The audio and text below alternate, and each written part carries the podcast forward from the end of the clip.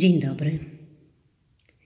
Dzisiaj spotykamy się nie tylko ze sobą nawzajem, towarzyszyć nam będzie chwila refleksji o tych, którzy od nas na zawsze odeszli. Nie wszyscy możemy wybrać się w zaduszki, w odwiedziny do kraju, ale, ale możemy zapalić świeczkę na grobie tam, gdzie przyszło nam mieszkać. Przy tej okazji zapraszam do wysłuchania przypowieści pióra naszego polskiego pisarza, który zmarł na emigracji. Nie zdradzę nazwiska, mam, mam nadzieję, że ktoś z polonusów bez googlowania potrafi odgadnąć autora. Zapraszam, zapraszam w świat poza nami.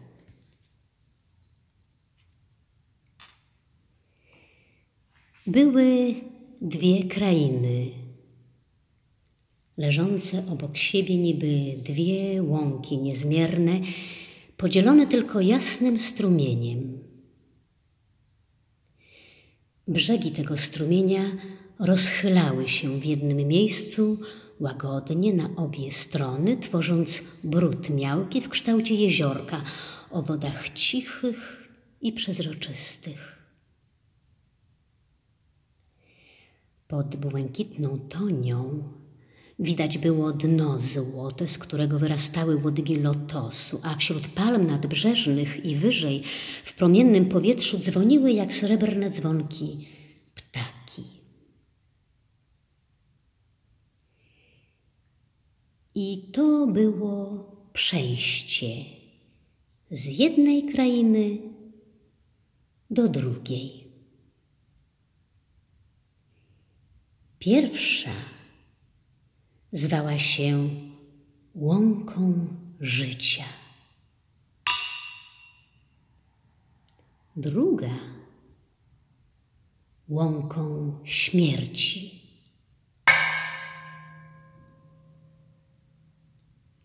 Stworzył obie najwyższy i wszechmocny Brahma krainie życia rozkazał włodarzyć dobremu Wisznu, a w krainie śmierci mądremu Siwie. Czyńcie, jako rozumiecie najlepiej. W krainie należącej do Wisznu zawrzało życie.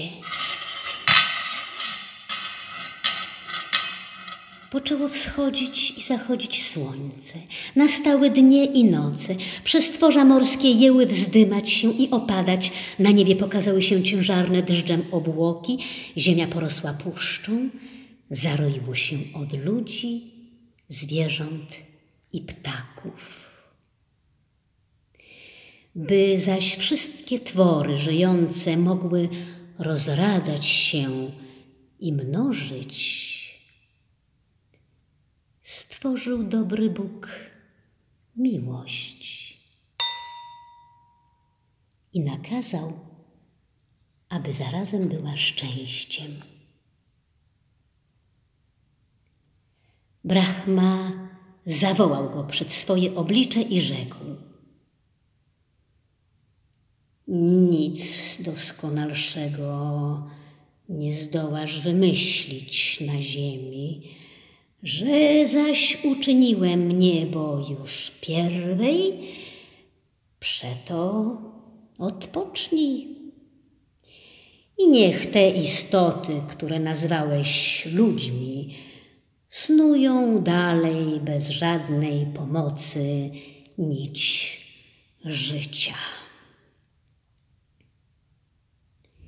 Wisznu usłuchał rozkazu Brahmy i ludzie poczęli odtąd sami myśleć o sobie. Z ich dobrych pomysłów zrodziła się radość, a ze złych smutki. Więc ze zdziwieniem spostrzegli, że życie nie jest nieustannym weselem, ale że ową nić, o której mówił Brahma, przejdą jakby dwie przątki Jedna ma uśmiech na twarzy, a druga łzy w oczach. Udali się przed tron Wisznu i poczęli się skarżyć. Panie, ciężkie jest życie w smutku. A on rzekł: Niechaj was pociesza miłość. Usłyszawszy to, odeszli uspokojeni. Miłość rozpraszała ich smutki. Wobec szczęścia, jakie ona daje, wydawały się tak błahe, że nie warto było na nie zważać. Ale miłość jest zarazem wielką rodzicielką życia. Więc jakkolwiek ogromna była ta kraina, w której włodarzył Wisznu, wkrótce dla tłumów ludzkich nie starczyło ni jagód leśnych, ni miodu skalnych pszczół, ni owoców na drzewach. Wówczas ci, którzy byli najrozumniejsi, wzięli się do karczowania lasów, do uprawy pól, do siejby zboża i do zbierania plonów. I w ten sposób powstała na ziemi praca. Wkrótce wszyscy musieli się do niej zabrać, także stała się ona nie tylko podstawą życia, ale niemal życiem samym. Ale z pracy zrodził się trud, a z trudu zmęczenie. Gromady ludzi stanęły znów przed tronem Wisznu. Panie, Trud osłabił nam ciała, zmęczenie rozsiało się w naszych kościach. Chcielibyśmy odpocząć, a, a życie przymusza nas wciąż do pracy. Na to Wisznu rzekł. Wielki Brahma nie zezwolił mi rozwijać dalej życia, ale wolno mi stworzyć coś takiego, co będzie jego przerwą, a przeto i wypoczynkiem. I stworzył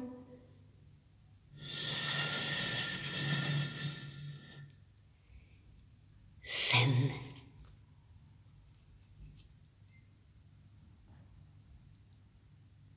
Ludzie z radością przyjęli ten nowy dar i wkrótce uznali go za jeden z największych, jakie otrzymali z rąk Boga. We śnie koiły się troski i zawody, we śnie krzepiły się siły zmęczonych, sen osuszał jak dobra matka łzy smutku i otaczał głowy śpiących jakby cichą mgłą zapomnienia. Ludzie wychwalali sen. Bądź błogosławion, lepszyś jest od życia na jawie. I jedno tylko mieli mu do zarzucenia, że nie trwa wiecznie, że następuje przebudzenie, a po przebudzeniu praca i nowe trudy i zmęczenie, Myśl ta poczęła ich trapić tak ciężko, że po raz trzeci udali się do Wisznu. Panie, dałeś nam dobro wielkie i niewysłowione, ale nie zupełnie. Spraw, by sen był wieczny.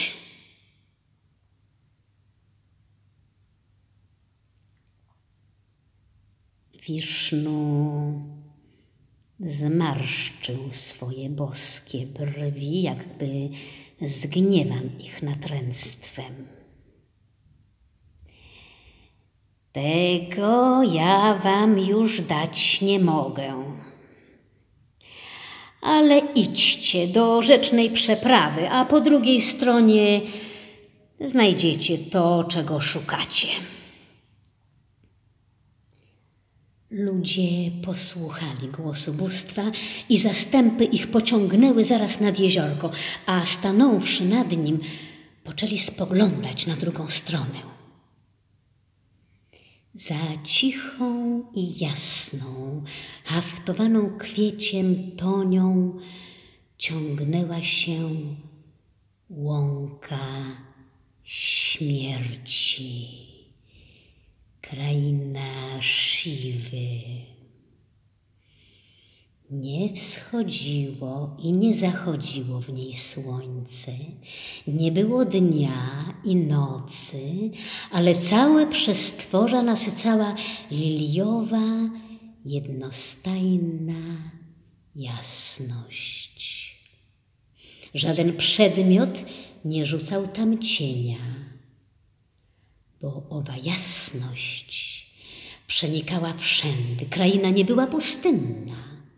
Jak okiem sięgnąć, widniały w niej doliny i wzgórza, zwoje bluszczu i winogradu zwieszały się ze skał, ale i skały, i pnie drzew, i smukłe łodki roślin były niemal przezrocze jakby ze zgęszczonego światła uczynione.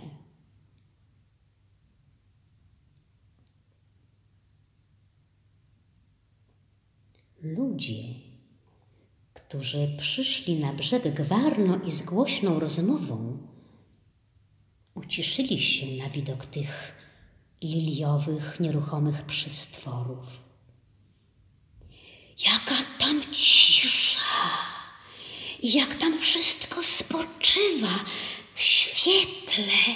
O tak, tam spokój i wieczny sen. Pójdziemy szukać wiecznego snu. I weszli w wodę. Grająca tęczą toń rozstąpiła się przed nimi, jakby chcąc im przejście ułatwić. Ci, którzy pozostali na brzegu, chwyceni nagłą tęsknotą, poczęli na nich wołać, lecz żaden z nich nie odwrócił głowy. Szli dalej, lekko, ochoczo, widocznie coraz bardziej urokiem cudnej krainy przyciągani. Tłum patrzący z brzegu życia zauważył też, że ciała ich w miarę jak się oddalali stawały się rozwidnione, przejrzyste, coraz lżejsze, coraz bardziej świetlane, jakby topniejące w tej powszechnej jasności, która napełniała łąkę śmierci. A gdy przeszli, układali się do spoczynku wśród tamtych kwiatów i drzew lub u podnóża skał. Oczy ich były zamknięte, ale twarze miały wyraz nie tylko niewysłowionego spokoju, lecz i takiego szczęścia, jakiego na łące życia nie dawała nawet miłość. Pozostali przy życiu Mówili do siebie, słodsza i lepsza jest kraina Siwy. Poczęli przechodzić coraz liczniej na drugą stronę. Szły jakby uroczyste korowody starców, ludzi dojrzałego wieku, mężów z żonami, matek prowadzących za rękę dzieci maleńkie i młodzieńców i dziewcząt, a potem tysiące i miliony ludzi zaczęły się tłoczyć u cichego przejścia. Wreszcie łąka życia wyludniła się prawie zupełnie. Wisznu, którego zadaniem było strzec życia, przeraził się własną udzieloną w gniewie radą i nie wiedząc co począć, udał się do najwyższego brachmy. Stworzycielu, ratuj życie, Dziedzinę śmierci uczyniłeś tak jasną, tak piękną i szczęsną, że wszyscy opuszczają moje królestwo. Zali, nie pozostał ci nikt. spytał Brahma. Jeden tylko młodzieniec i jedna dziewczyna, panie, kochając się niezmiernie, woleli wyrzec się wiecznego ukojenia, niż zamknąć oczy i nie patrzeć na siebie więcej. Czego więc żądasz? Uczyń krainę śmierci mniej piękną i szczęśliwą, inaczej i, i, i tych dwoje opuści mnie za innymi, gdy minie wiosna ich miłości. Brahma zamyślił się przez chwilę. Nie. Nie ujmę piękności i szczęścia krainie śmierci. Mm, uczynię co innego, by ratować życie. Odtąd ludzie muszą przechodzić na drugą stronę, ale nie będą już przechodzili chętnie. To rzekłszy, utkał z ciemności grubą, nieprzeniknioną zasłonę. A potem stworzył dwie straszne istoty. Jedna zwała się boleść, a druga trwoga. I kazał im tę zasłonę zawiesić u przejścia.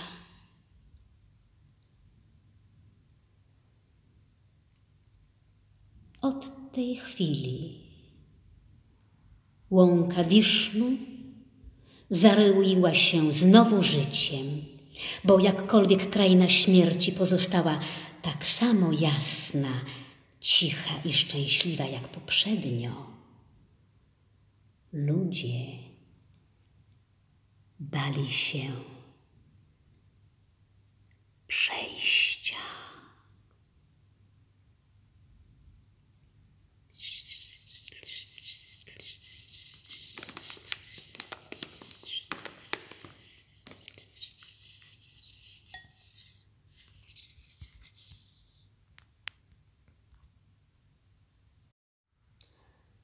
Opracowanie tekstu i interpretacja Sławomira Kozieniec.